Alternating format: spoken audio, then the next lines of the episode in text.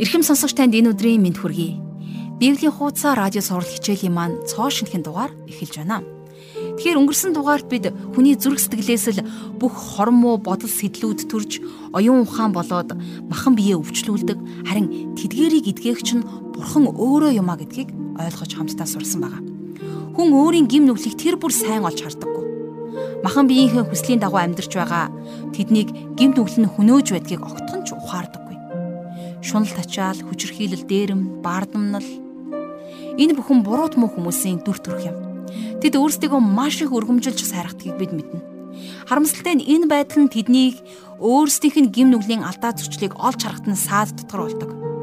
Тэд гаднаа өөрсдийгөө өргөмжилдэг харин дотроо бусдыг дорд үзэж, бусдад атаархаж, бусдыг үзэн ядаж, бусдыг үл уучлсан тийм л зүрх сэтгэлийг тээж амьдардаг. Магадгүй яг одоо ч гэсэн таны дэргэд буруут муу хүмүүс байж болох юм. Тэр хүн амьдралтай нь маш том гайхамшиг авчирсан ч байж болно. Харин та тэр хүнийг үзэн ядаж амьдралын үн цэнтэй хорон мөчүүдэ битгий гомдол бухимдал донд өнгөрүүлээрэ. Тэр хүнийг зүгээр л бурханд таатгачих. Цаг нь болоход бурхан түүнийг шударгаар шүүх болно. Буруут муу хүний бусдад гаргаж байгаа хандлага бүрэн гагцхүү өөрийг нь дотроос нь идэж устгадаг гэдгийг ойлгож бурхны хамгаалтыг гуйх нь бидний хувьд маш чухал.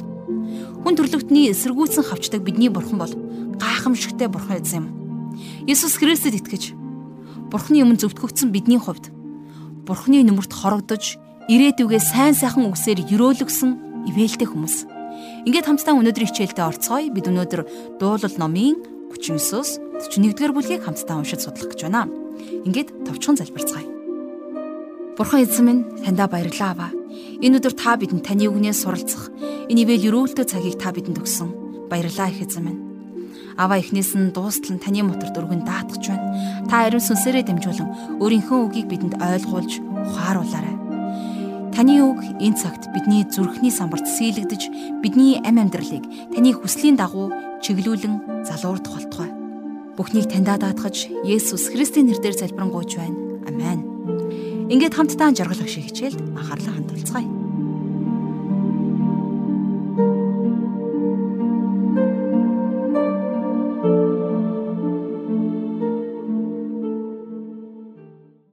За бид өнөөдөр хамтдаа дуулал номынхон 39-өөс 41-р бүлгүүдийг судлах гэж байна. За бидний эхлээд үзэх 39-р бүлэг бол Үнэхээр хүмүүн биднийг ямар сул дорой болохыг За бидний амьдрал ямар охор богино болохыг илчлэн харуулсан гайхамшигтай дуулал байдаг. За энэхүү дуулалыг ихэвчлэн оршуулгын ёслол дээр уншдаг юм. Давид өөрийнхөө дотор оволцож байсан тэр их шаналлаа дарж гим нүгэлтэй хүмүүсийн өмнө уруула хазан тисэд энэ бүхнийг бүгдийг бурхны өмнө авчран асгаж байгаа тэр дүр зургийг бид нар энэхүү 39 дэх дуулалаас харах болно. Давид энэхүү дуулалда Хүмүүн бид нар ямар сул дорой бидний амьдрал ямар төр зуурын за бид нар ямар өчүүхэн болохыг яруу тодор өгүүлсэн байдаг. Хэрвээ үнэхээр бурхантай холбогдохгүй юм бол бидний амьдрал ямар ч утга учиргүй. Бидний амьдрал Есүс Христэс ангиллвал Соломоны хэлсэнчлэн хоосон, хоосноос хоосон байх байсан. За дуулал номын 39 дугаар бүлгийн эхэн дээр удирдаачид евдүтүнд гэсэн үг байгааг та харж байгаа бох тийм ээ. За тэгэхээр энэ дуулалын аяыг бол евдүтүн гэж хүн зохиосон байх боломжтой гэж үздэг юм. Тэгэхээр евдүтүн гэж хэн байсан бэ? За энэ хүн бол Израилийн Магдалины найрал дуу, найрал хөгжмийг хариуцсан гурван удирдаачийн нэг байсан. За нөгөө хоёр нь бол Асаф, Химан хоёр тийм ээ. За Давид энэ гурван хүнтэй Магдалины үйлчлэлд хамтардаг байсан байна. За өнөөдрийнхөөр бол энэ хүмүүс хамтдаа Израилийг Магдалд удирдах Магдалын багийн удирдагчид байсан гэсэн үг. За ингээд хамтдаа дуулал номынхон 39 дэх бүлгийг дэлгээд за 1-р ишлэлийг уншицгаая. Би хилээрээ нүгэл үлдэхгүй тулд зам мөрөө сахих болно.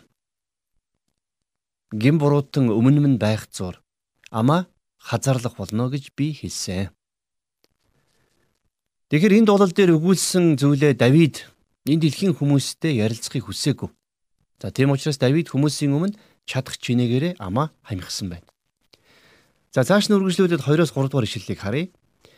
Би үг дуугүй байж, сайныг ч дуугараагүй бөгөөд шаналл минь сэдрэн, дотор минь зүрх халуун өргөж, гасан дунд минь гал дүрлзэв. Тэгээд би хилээрээ ярьлаа. А гэхдээ нөгөө талаараа Давидын зүрхэнд их олон зүйл оволзож байсан учраас эцэст нь Давид тэсгэлгүй амаа нээсэн байна. А ингэхдээ Давид хүмүүст биш харин Бурханд зүрхсэтгэлээ нээсэн юм а. Дөрөвдүгээр ишлэл. Эзэн миний эцэс хийгээд өдрүүдийн минь химжээг надад мэдүүлээч. Хэр дороогоо би мэдье гэж. За хүний амьдрал ямар их охорхон богинохон болохыг ухаарсан Давид. За энэ дээр Бурханаас Хүний амьдралын утга учир яг юу юм бэ гэж асуусан байна. Өнөөдөр энэ асуултыг өмнөд тавьж энэ асуултын хариултыг эрэлхийлсээр байгаа маш олон хүмүүс байгаа. Бид нар үнэхээр өөрсдийнхөө завгүй амьдралыг харахтаа асуудлаас асуудлын хооронд, цалингаас цалингийн хооронд өртөөчилсөн энэ нөхцөл байдлаа харахтаа өөрийн ирэхгүй үгүй энэ амьдралын утга учир яг юу юм бэ гэж асуумаар санагддаг. Үннийг хэлэхэд итгэгч бид нар ч гэсэн заримдаа ямар ч утга учиргүй амьдралаар амьдарч байдаг. Хэрвээ та Христэд итгэдэг бол таны амьдрал хүмүүсийг Христ рүү хөтлөх тэр амьдрал мөн үү? Эсвэл Христээс холдуулах амьдрал уу гэдгээ асуух хэрэгтэй. За Давид хаан бол энд миний эцэс хийгээд өдрүүдийн минь химжээг надад мэдүүлж өгөөч ээ гэж залбирсан байна. Өөрөөр хэлэх юм бол амьдралын утга учирыг Давид бурхнаас л асуусан байна, тийм ээ. За 5 дугаар ишлэлийг үргэлжлүүлэн харцгаая. Харахтун. Та өдрүүдийг минь алгын чинээхэн болгосон. Амьдралын минь хугацаа таны өмнө юу ч биш. Үнэн дээр хүн бүр хамгийн сайн үедээ ч зүгээр л нэг амьсгал буюу сяла. За энэ ишлэлийн төгсгөл сяла гэсэн үг дахиад гарч ирж байна тийм ээ. Тэгэхээр яг энд бид нар төр зогсоод энэ ишлэл дээр тунгааж бодох хэрэгтэй. Энэ дэлхий дээр амьдрах бидний богинохон амьдрал бидэнд ямар нэгэн зүйлийг хилээд байх шиг тань санагдахгүй байна гэж юу? Хүмүүс бидний амьдрал бурхнаас ангидлвал ердөөл амьсгал төдий юмаа гэж Давид энд хэлсэн байна. За 6 дугаар ишлэгийг уншийе. Үнэн дээр хүн бүр сүудэршгэл явна. Үнэн дээр тэд дими юмд л шуугна. Тэрээр овоолдог боловч хин түүнийг авахыг эс мэднэ гэсэн байна. Бүх хүний амьдрал төр зурих. Итгэгч байна уу, итгэгч биш байна уу ялгаагүй. Энэ дэлхий дээр амьдрах амьдрал маань цаг хугацаатай. Бид нэр энэ амьдралдаа хичнээн их хэд баялаг хураасан ч гэсэн өөд болохдоо тэрнийг аваад явж чадахгүй. За нөгөөтэйгөр бид нэр тэр их хэд хөрөнгөө хинд үлдээгээд явхаач мэдэхгүй. Тэр битгий хэл итгэгч хүн эд баялагийг үхэн хатан хураасан ч өвөд болоход нь тэр бүх ид хөрөнгө нь итгэгч биш өр хүүхдүүдийн гар дээр үлдсэн тохиолдол зөндөө байдаг. Тэр хүн ид хөрөнгө хураах гэж зүтгэсээр өр хүүхдээ Христ рүү хөтлөн дагуулж чадаагүй. Уг нь тэр хүн өр хүүхэдтэй ид хөрөнгийг биш харин Христэд итгэх итгэлийг үлдээсэн болвол тэр нь жинхэнэ мөнхийн өв болох байсан биш үү? Үнэхээр энэхүү нөхцөл байдлыг Давид харахтаа энэ бүхний утга учир нь юунд байгаа юм бэ гэж асуусан байна. За 7 дугаар ишлэгийг уншийе. Өө эзэн. Одоо би жухам юг хүлээн вэ? Миний найдвар танд л байна. Давид ганцхан бурханд л найддаг гэдгээ энд тодорхой хэлж байна. Өнөөдөр бид нар ч гэсэн бас хин нэгэн хүнд биш, эд хөрөнгөнд биш, эрх мэдэлд биш. Харин бурханд найдаж амьдрах учиртай. 8-9 9-р ишлэлийг үргэлжлүүлэн хамтдаа харъя. Намайг бүх гимт үйлдэлээс минь авраач. Намайг мунхаг хүнээр бүү зэмлүүлээч. Та үүнийг үйлдсэн учраас би хилгүй болж амаа үлнэнэ. Давид хаан өөрийнхөө дотор төрж байгаа бодлоо бусад хүмүүст хэлхийг юусоо хүсээг. Ягаад үг гэвэл гим нүгэлт хүмүүс Давидын зүрх сэтгэлийг ойлгож чадахгүй гэдгийг Давид сайн мэдж байсан. За дараагийн 10 дугаар ишлэл дээр гамшига надаас зайлуулаач. Таны мотрын цохилтонд би үрэгдсэн. За энд бол Давид амьдралдаа Бурханаас ирж байгаа сахилгажуулалтыг бол сайн мэдэрч байсан. Бурхан тэрний амьдрал зоригтойгоор тийм хүнд хэцүү зүйлүүдийг зөвшөөрсөн гэдгийг ч Давид ухаарсан байна. Тэгэхээр бид нар өөрсдийнхөө амьдралыг Давидын яг адил зөвнүүдээр харж сурах нь их чухал байдаг. Шар нар бор хоногийг өнгөрүүлэн явсаар эцэстээ булшинд орох нь бидний амьдралын зорилго биш ээ. Бидний өмнө мөнхийн амьдрал та бидний хүлээж байгаа. Энэ бол үнэхээр гайхамшигтай найдвар. За 12 дугаар ишлэлээс харах юм бол Давид ингэж хэлсэн байна. Эзэн залбирлыг минь сонсож хашгирах дуунд минь чих тавиач нулимсанд минь бүү дуугүй байгаач.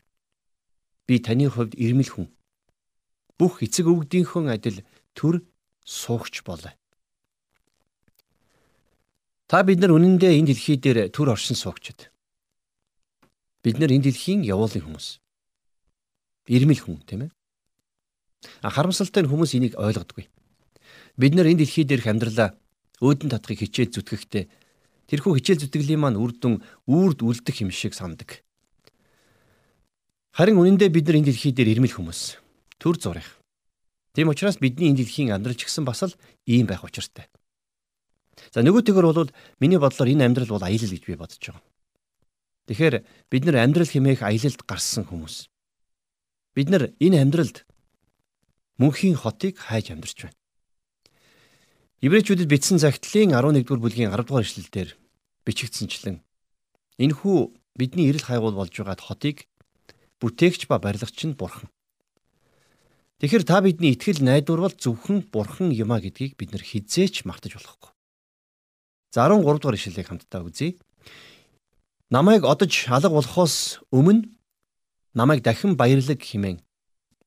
Надаас та харцаа салгаач. За энэ дэлхийгээс одож алга болохоос өмнө Бурхныг алдаршуулсан бусдыг Бурхан руу хөтлсөн тэр амьдралаар бид нар амьдрах учиртай гэдгийг Давид энд хэлсэн байна. Үнэхээр та бидний амьдралыг хүмүүс харахтаа Бурханаас эргэх биш. Харин Бурхан руу эргдэг тийм л амьдралаар бид нар амьдрах учиртай юм шүү. Бид өөрсдөө мэддгүү байж болох ч гэсэн бидний амьдрал нэг бол хүмүүсийг Бурхан руу ойртуулж байдаг, а эсвэл хүмүүсийг Бурханаас холдуулж байдаг. За үргэлжлүүлээд 40-р дуулалыг одоо хамтдаа судалж үзье. Тэгэхээр хамгийн анх дуулал номыг үзэж эхэлж байхад тийм ээ. Дуулал ном нь Мосегийн 5 ном буюу за Пентатүхтэй бүтцийн хувьд адилхан гэж хэлж байсныг та санаж байгаа бах. За өөрөөр хэлэх юм бол бид нар дуулал номыг дотор нь 5 хувааж эхлэл, гитлэл, лев, тооллого, дид хууль гих мэтээр нэрлэж болно гэсэн. За тэрхүү таван багц нь энэ таван номтой утгын хувьд ойролцоо байдгаа гэж би хэлж байсан. За тэгвэл өнөөдрийн бидний үзэх дуулалын 40-р бүлэг болон 41-р бүлгээр дуулал номын эхний хэсэг буюу за дуулал номын эхлэл ном дуусж байгаа. За 40 41-р бүлэг дээр Месиа аврагчийн тухай иш үзүүлгүүд гардаг. Тэгэхээр эдгээр бүлгүүдээс шин гэрээн дээр хид хідэн удаа иш татсан байдаг учраас нилээд чухал бүлгүүд юм байна гэж бид ойлгож болохоор байна. За хамтдаа 40-р бүлгийн 1-р ишлэлийг одоо уншийе. Би эзнийг төвчээртэйгэр хүлээсэн. Тэр над руу ойртож хашгирахыг минь сонссон. За дуулын 40-р бүлгийг 39-р бүлгийн араас залгуулад унших юм бол утгыг бүр сайн ойлгох боломжтой байдаг юм. Зарим Библийн багш нар 40-р бүлгийг Давид хаан Абсаломоос цугдах үедээ бичсэн гэж үздэг. Өөрөөр хэлэх юм бол энэхүү дуулал нь Давидын амьдрал тохиолдсон үйл явдлаас сэтвэлсэн дуул. А гэхдээ дахиад л нөгөөтэйгөр энэ нь хожим Месиа аврагчийн эдлэх тэрхүү зовлон илэрхийлсэн зөгнөл болсон дуулал юм. За энийг шинэ гэрээ номны еврейчүүдэд бичсэн захидал дээр иш татаж тайлбарлсан байдаг. Тэгэхээр үндсэндээ 40-р бүлэг болвол Христийн загалмайн үхэл, Христийн амьлалт. За түүний ялгуулсан ялалтын талаар өгүүлсэн байдаг. Христийн үхэл бол ялагдал байгаагүй. Харин ялалт байсан. За тэр утгаараа нэгдүгээр эшлэлдэр юу гэж байлаа? Би эзнийг төвчээртэйгэр хүлээсэн. Тэр над руу ойртож хашгирахыг минь сонссон гэсэн. Энэхүү үг болвол загалмай дээрээс хашгирсан Христийн дуу хоолойг илэрхийлсэн байна. Хоёрдугаар ишлэл. Тэр намайг сүрлийн нүхнээс шавар шавхаанаас татан гаргаж алхмыг минь бат бөх болгон хөлийг минь хадан дээр тавьсан. За тэгэхээр Есүс Христийн эдэлсэн зовлон түүний үхлийг энд сүрлийн нүхтээ зөөрлж байна тийм ээ. Есүс Христийн загалмай дээр эдэлсэн зовлон түүний загалмайн үхэл ямар аимшигтай байсныг бид үнэндээ бодож төсөөлж чадахгүй. Биднийг Есүс Христэд итгэсэн яг тэр үед ч гэсэн бас Бурхан биднийг үхлийн нүхнээс гаргаж бидний хөлийг хаданд суур минь болох Есүс Христээр тавьсан юм. За 3 дугаар ишлэлийг үргэлжлүүлэн харъя. Тэр миний аманд шин дууг Бурхандаа өргөх Магдалины дууг оруулав. Олон хүн хараад имэж эзэнд итгэх болно. За энд дахиад шин дуу гэсэн ойлголт гарч ирж байна. Энэ бол бидний өмнө ярьж байсан шиг аврагдагсдын дуулах шин дуу. За бид нар энэхүү дууг мөнхийн улсад очиод дуулах болно гэдгийг илчлэлт номон дээр бас өгүүлсэн байдаг. За дээрэс нь олон хүн хараад имэж эзэнд итгэх болно гэж энд хэлсэн байна. Тэгэхээр хүмүүс Есүс Христийн үхлийг за түүний амьлалтыг хараад бурханд итгэнэ гэдгийг Давид энд зөвгөнж хэлсэн байна. За дөрөвдүгээр эшлэлдэр эзнийг итгэлээ болгохсод өрөөлтөе. Тэд бардамналд ис иргэн худалд үл төөрнө гэж. Тэгэхээр бидний эзэн Есүс Христ бол эзнийг итгэлээ болгосон хүний төгс жишээ. Тэр бардамналд эргээгүй. Худалд төөрөөгүй нэгэн. Бид нар итгэлийн амьдралдаа зөвхөн Есүс Христийг дуурайн амьдрах учиртай. Есүс Христийг дуурайж амьдрах үедээ бид нар ерөөлтөй амьдралаар дүүрэн амьдарч байдаг. За 5 дугаар ишлэлийг хамтдаа уншийе. Бурхан эзэн минь таны үйлдэлсэн олон гайхамшгууд бидэнд хандсан таны бодлууд олон юм. Тантай энэ зэрэг зөхийц хинч байхгүй. Би тэдгээр гайхамшгуудыг зарлан хэлье гэсэн ч тэд тоолошгүй олоо гэж Давид дуулсан байна. Бурхан та бидний төлөө өөрийн хүүг энэ дэлхийр үлгээхдээ бидэнд хандсан өөрийнхөө бодлыг илэрхийлсэн юм. Өнөөдөр хүмүүс хар гариг дээр амьдрал байгаа хэсэг талаар маргаж мэтгэлцдэг. За мэдээж би бол энэ талын мэрэгжилтэн биш л дээ. Магадгүй харь гариг дээр амьдрал байж болох юм. Үүнийг бол бид нар баттай хэлж мэдэггүй. Харин би нэг зүйлийг бол мэднэ. Энэ дэлхийгээс өөр ямар ч гариг дээр загалмай байхгүй. Зөвхөн энэ дэлхий дээр л Бурхны хүү загалмай дээр амиа өгөхийн тулд ирсэн. Чухамдаа энэ л орчлын ертөнцийн тэр түмэн гариг ирэхс дундаас энэ дэлхийг онцгой болгож байгаа. Тэм учраас Давид Бурхан эзэн минь ээ таны үйлдэлсэн олон гайхамшгууд бидэнд хандсан таны бодлууд олон юм а гэж хэлсэн байна. Христийн загалмай бидний амьдралд хандсан Бурхны бодлуудыг бидэнд илчилж өгдөг. За одоо бидний унших хэсгийг Шин гэрэний Еврей номон дээр иш татсан байдаг. За хамтдаа дуулал номынхон 40-р бүлгийн 6-аас 9-р ишлэлийг үргэлжлүүлэн уншийе. Шатаалт ба эдэн тахлыг та ис таална. Та чихийг минь нээсэн шатаал тахил ба нүглийн тахилыг та үл шаардна. Тэгэхэд би харахтун би ирлээ. Миний тухай хуйлмал номонд бичигдсэн байдаг. Бурхан минь ээ, таны тааллыг би гүйцэлдүүлэх дуртай. Таны хууль зүрхэнд минь би гэж хэлсэн. Би зөвхт байдлыг их чуулганд тунхаглав. Изэн харахтун. Би уруула хамхиагүйг та мэднэ шүү дээ. За энэ бол үнэхээр гайхалтай дуулал. Юу гэж хэлсэн байна уу гэхээр шатаалд ба эдэн тахлыг та таалахгүй. Та миний чихийг нээсэн гэж энд хэлж байна. За тэгвэл одоо Еврей ном руу очиод Еврей номын 10 дугаар бүлгийн 5 дугаар ишлэлийг хамтдаа харцгаая. Энд ингэж бичсэн байгаа. Та өргөл ба тахлыг хүсээгүй. Харин та надад бие бэлдсэн. За энд нэг ялгаатай үг гарч байгааг та анзаарч байгаах тийм ээ. Тэгэхээр Библийг шүүмжлэгчид энийг Библийн алдаа гэж чижилдэг юм.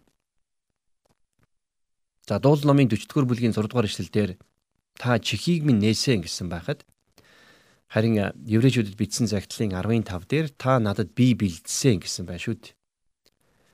Тэгэхээр Библийн зохиолч нь хэн бэлээ? За Библийн зохиолч бол ариун сүнс тийм ээ. Тэгэхээр хуучин грекч тэр, шин грекч тэр ариун сүнс зохиосон. Дуулал номыг ч тэр, еврей номыг ч тэр ариун сүнс зохиосон. За тийм учраас ариун сүнсний бичсэн бүхэн цаагаараа онцгой зоригтой байдаг. За хэрвээ бид нэр гитлэл номын 21-р бүлгийг харах юм бол тэнд эзэн болон за боолын харилцааг зохицуулсан хууль гардаг. Тухайн үеийн хууль ёсоор бол хин нэгэн хүн өөр нэгэн хүний зарц боол болсон бол тодорхой хугацаа өнгөрсөний дараагаар тэрнийг эрх чөлөөтэй болгож тавьж явуулах хуультай байсан. За гэтэл номын 21-р бүлгийн 6 дугаар ишлээс харах юм бол эзэн нь түүний хүсэлтийг бурхны өмнө авчран хаалга буюу хатавчны хажууд зогсон эзэн нь түүний чихийг шүвгөөр цоолж тэр насан турш эзэндээ үйлчлэх ёстой гэж бичигдсэн ишлэл байдаг. Өөрөөр хэлэх юм бол эзэн нь зарцынхаа чихийг цоолж тийм ээ За тэгээд тэр зарц эзэндээ үрд үйлчлэх тэр шийдвэрийг дуулал номон дээр та чихийг минь нээсэн гэсэн хэллэгээр илэрхийлсэн байна. Тэгэхээр энэ дэлхий дээр ирэхдээ эзэн Есүс бидний чихийг шүвгээр цоолсон уу? Үгүй ээ. Тэр бидний төлөө энэ дэлхий дээр боол зарцын дүрээр ирсэн. Тэр бидний төлөө өөрийнхөө биеийг өргөхөөр ирсэн тийм ээ.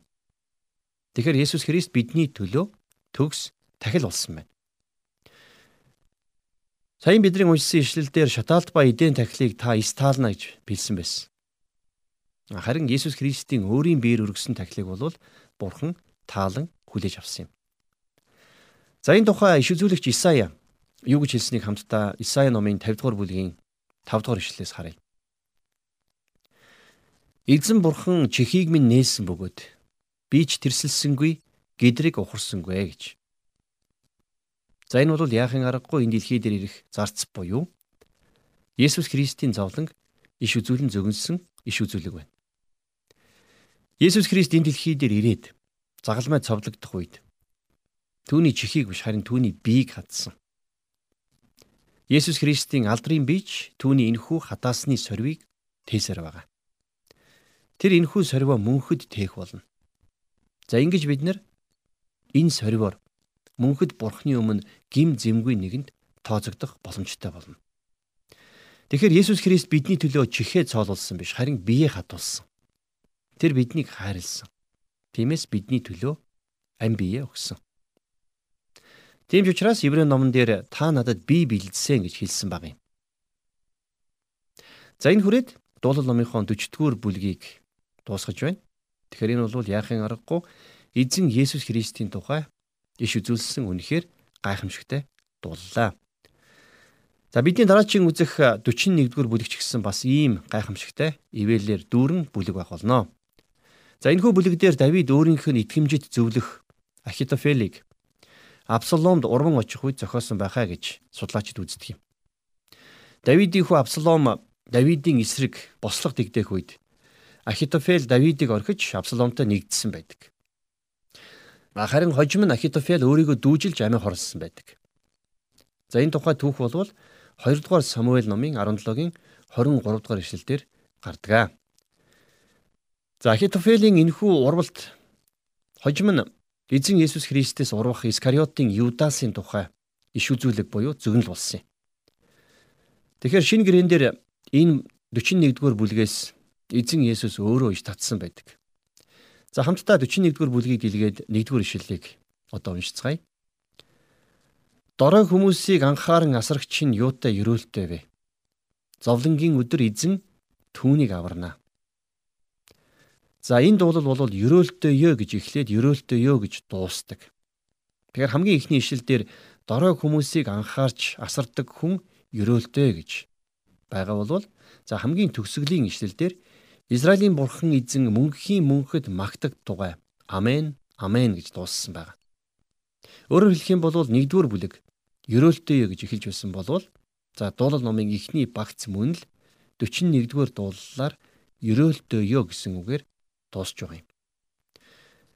За та мэдэх бах тийм ээ. Бид нар энэ тухай урд нь ярилцж байсан. Ерөөлтэй ёо гэсэн үг бол аз жаргалтай гэсэн утгатай.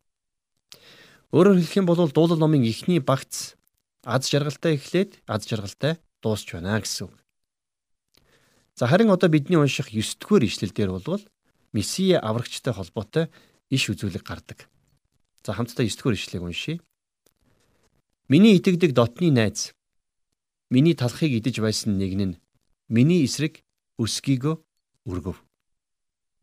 За. Иохан номын 13 дугаар бүлгийн 18 дугаар ишлэлдэр Есүс яг энэ хэсгийг иш татсан байдаг. Юу гэж хэлсэн гэхлээр би та нарын бүгдийн чинь тухай яриаггүй. Ямарыг нь сонгосноо би мэднэ. Харин энэ миний талхыг идэж байсан нэг нь миний эсрэг өсгийгөө өргөв гэсэн бичвэр биелэгдэхийн тулд юм а гэж Есүс хэлсэн байна. За энэ үг бол эзэн Есүсээс урвсан Искариотын Юдасаар дамжуулан биелэлээ олдг юм. Үйлс номын 1-ийн 16 дугаар ишлэлдэр Петр хэлэхдээ Ах дүүсээ Есүсийг баримтлагчдыг газарчлан ирсэн Юдасын тухайд Давидын амар ариун сүнс урдаас хэлсэн тэрхүү бичвэр биелэгдэх ёстой байваа гэсэн байна. За тэгвэл дараагийн ишлэлдэр бүрч онцгой нэгэн зөвнөл буюу иш үзүүлэг гарч байна. За 10 дугаар ишлэлийг хамтдаа үзье. Гэвч эзэн та намайг нэгүүлсэж тэдэнд хариу барихын тулд намайг босгооч. За энэ ишлэл болвол эзэн Есүс Христийн амьдлалтын тухай ишлэл. Тэднэрт хариу барихын тулд намайг босгооч гэж энд хэлсэн байна. За дуулал номын эхний багц дууллууд дээрээс бид нар Христийн үхлийг болон түүний амьдлалтыг олж харлаа тийм ээ. Харин одоо би энэ зүйлийг онцолж хэлмээр байна. Есүс Христийн үхэл дангаараа хэнийг ч аврахгүй. Харин түүний үхэл болон амьлалт нийлж байж биднийг авардаг юм. Паул 1-р Коринтын 15-ын 3-аас 4-р эшлэлдэр ингэж хэлсэн байдаг. Учир нь би хүлээн авснаа та нарт юуны төрөнд дамжуулсан. Бичвэрийн дагуу Христ бидний нүглийн учир өгссөн бөгөөд оршуулгадсан. Бичвэрийн дагуу 3 дахь өдөртөө амьлуулагдсан гэж хэлсэн юм. Тэгэхээр Христийн амьлалт байхгүй Христийн сайн мэдээ гэж байхгүй гэсэн үг. Хүн бүрийн дотор л Есүс Христийн талаар ямарваа нэгэн бодол байдаг. Есүс өөрөө хүртэл дагалдагч нараас энэ талаараа асууж байсан. За Матай сайн мэдээ номны 16 дугаар бүлгийн 13-аас 16 дугаар ишлэлийг харах юм бол Есүс ингэж хэлсэн байна. Хүмүүс хүний хүүг хэн гэж ярьж байна гэж асуухад тэд зарим нь баптистч Йохан, зарим нь Илия, харин зарим нь Иремая эсвэл иш үзүүлэгчдийн нэг гэдэг гэхэд тэр харин та нар намайг хэн гэж хэлэх вэ гэсэнд Симон Петр Та бол Христ. Амьд бурхны хүү мөн гэв. За тэгвэл би өнөөдөр асууя. Таны хувьд Есүс Христ чухам хин бэ? Есүс Христ бол амилсан аврагч.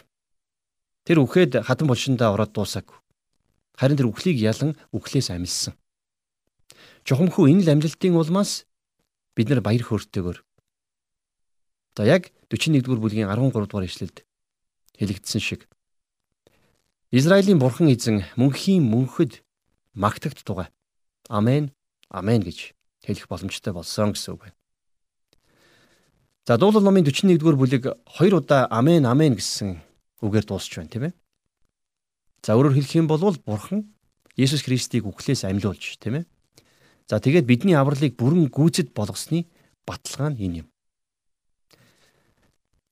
Есүс Христ Тэнгэрт одож одоо Бурхан эцгийнхээ баруун гар тал заларсан байгаа. Есүс Христ авралын ажлаа бүрэн гүйцэд төгсгсөн. Тэгэхээр одоо энэ авралын ажил дээрээс нэмэгт зүйл бидэнд байхгүй. Хэрвээ амьлалт байхгүй бол аврал байхгүй гэж би түрүү хэлсэн. За амьлалт байхгүй бол сайн мэдээ байхгүй гэдгийг та битгий мартаарай. Ингээд бид нар дуулал номын эхний хэсэг буюу за дуулал номын Эхлэл ном гэж нэрлэж болох бүлэг бүлгүүдийг үзэж дууслаа. За Эхлэл ном нь бүхэлдээ Библийг жижигрүүлсэн товчлол ном гэж бид ойлгож байна. Библиэд ирэх бүх чухал санаанууд Эхлэл номон дээр багтсан байдаг. Үүний нэгэн адил дуулал номын энэхүү эхний багц бүхэлдээ дуулал номны гол санааг товчлоод илэрхийлсэн байна. Харин хэрвээ Эхлэл номын төгсгөлд Бурхны ард түмэн Египтийн боолчлолын авсанд ороод дууссан байдаг болвол харин дуулал номын эхлэл ном Есүс Христийн ялгуулсан амьдлаар төгсөж байгааг бид харж байна. Ингээд дараачийн сонирхолтой хичээлээр дахин уулзцгаая.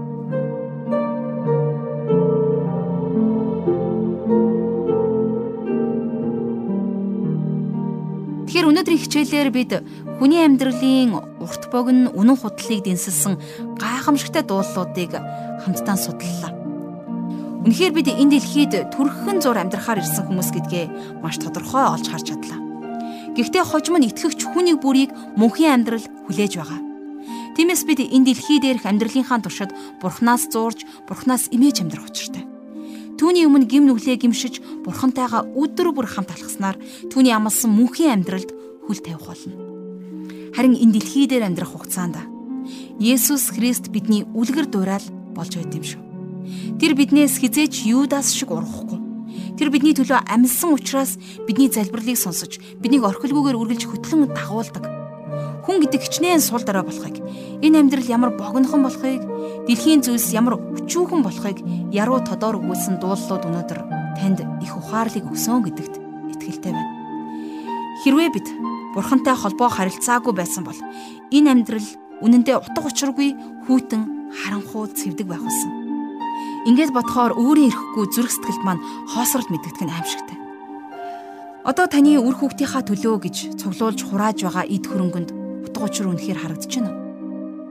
Харин та үүнийхэн оронд хайртай бяцхан үрсээ Христ рүү хөтлөн дагуулж итгэлээ өвлүүлээрэ. Бид үр удамдаа эд хөрөнгө биш харин Христэд итгэж найдах тэр итгэлийг үлдээвэл жинхэнэ үнэт өв хөрөнгө байх болно. Энэ бол амьдралын хамгийн гайхамшигтай үнэт өв хөрөнгө юм. Энэ хүрээд өнөөдрийн хичээлээ хамтдаа өндөрлцгөөе. Сурч мэдсэн магадгүй таны хувьд бурхантай хувьчлан шийдвэр гаргасан онцгой зүйл байгаа бол хамтдаа залбирцгаая. Эзэн бурхан минь ээ Таньда энэ цагийн төлөө талархаж байна. Есүс Христийн амьлалтаар дамжуулан та бидэнд ч гэсэн амьлалтын баталгаа өгсөн учраас баярлалаа аваа.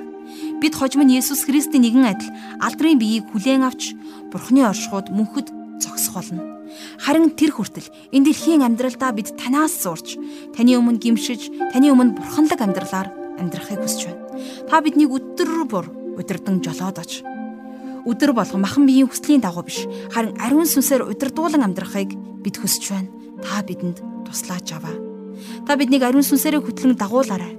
Их эзэн минь танд ирэх өдрүүдээ үйлчлэлээ, ам амьдралаа танд өргөж, эзэн Есүсийн нэрээр залбирanгуйж байна. Амен.